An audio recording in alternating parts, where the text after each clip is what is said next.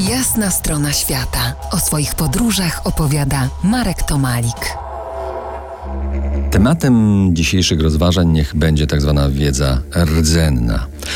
Obserwuję i wy pewnie też, czyli razem dostrzegamy, coraz więcej czytamy, fascynujemy się kulturami rdzennymi. No może nie wszyscy, ale mnie to zaraża coraz mocniej, prawdopodobnie dlatego, że od trzech dekad jestem dość mocno zanurzony w tematyce rdzennych mieszkańców Australii. Na całym świecie naukowcy zwracają się ku tak zwanej tradycyjnej wiedzy ekologicznej, aby próbować zrozumieć tak zwany naturalny świat. Możemy ją sprowadzić do wiedzy o miejscach, które zostały pieczołowicie odkryte poprzez tych, którzy dostosowali się do niego przez tysiące lat. Ludzie, nasi praprzodkowie polegali na tej szczegółowej wiedzy w temacie przetrwania. Aby spojrzeć na to jeszcze z innej strony i złapać wątek, proponuję sięgnąć do przygód Robinsona Crusoe. Chyba każdy z nas się z nim zetknął lub słyszał. Jeśli nie wersji książkowej, to filmowej. W tym roku mija 300 lat od powstania tej niezwykłej książki. Sam do niej lubię wracać. Mam wydanie z 1928 roku, gdzie starannie trzeba przewracać kartki, bo lubią wypaść. I cóż tam takiego jest?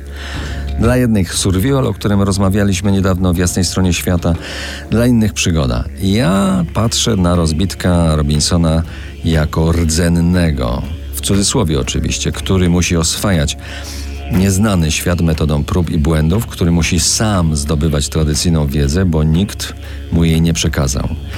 To bardzo powolny proces, wymagający cierpliwości i jak wiemy, Robinson radzi sobie dobrze, choć często ponosi porażki. Jeśli Teraz wyobrazimy sobie najstarszą cywilizację, której setki pokoleń testowały życie na danym terenie, to maluje nam się powoli obraz ich tradycyjnej wiedzy ekologicznej. I więcej, współczesna antropologia wprowadza pojęcie etosfery, która odnosi się do światowych kultur i może być rozumiana jako suma wszystkich myśli, snów, mitów, idei, inspiracji, intuicji stworzonych przez człowieka od zarania świadomości to symbol wszystkiego, czym jesteśmy i wszystkiego, czym moglibyśmy być jako zadziwiająco dociekliwy gatunek. Za kilkanaście minut po jasnej stronie świata powrócę do rozważań o fantasmagoriach tzw. Tak wiedzy rdzennej. Zostańcie z nami w RMF Classic.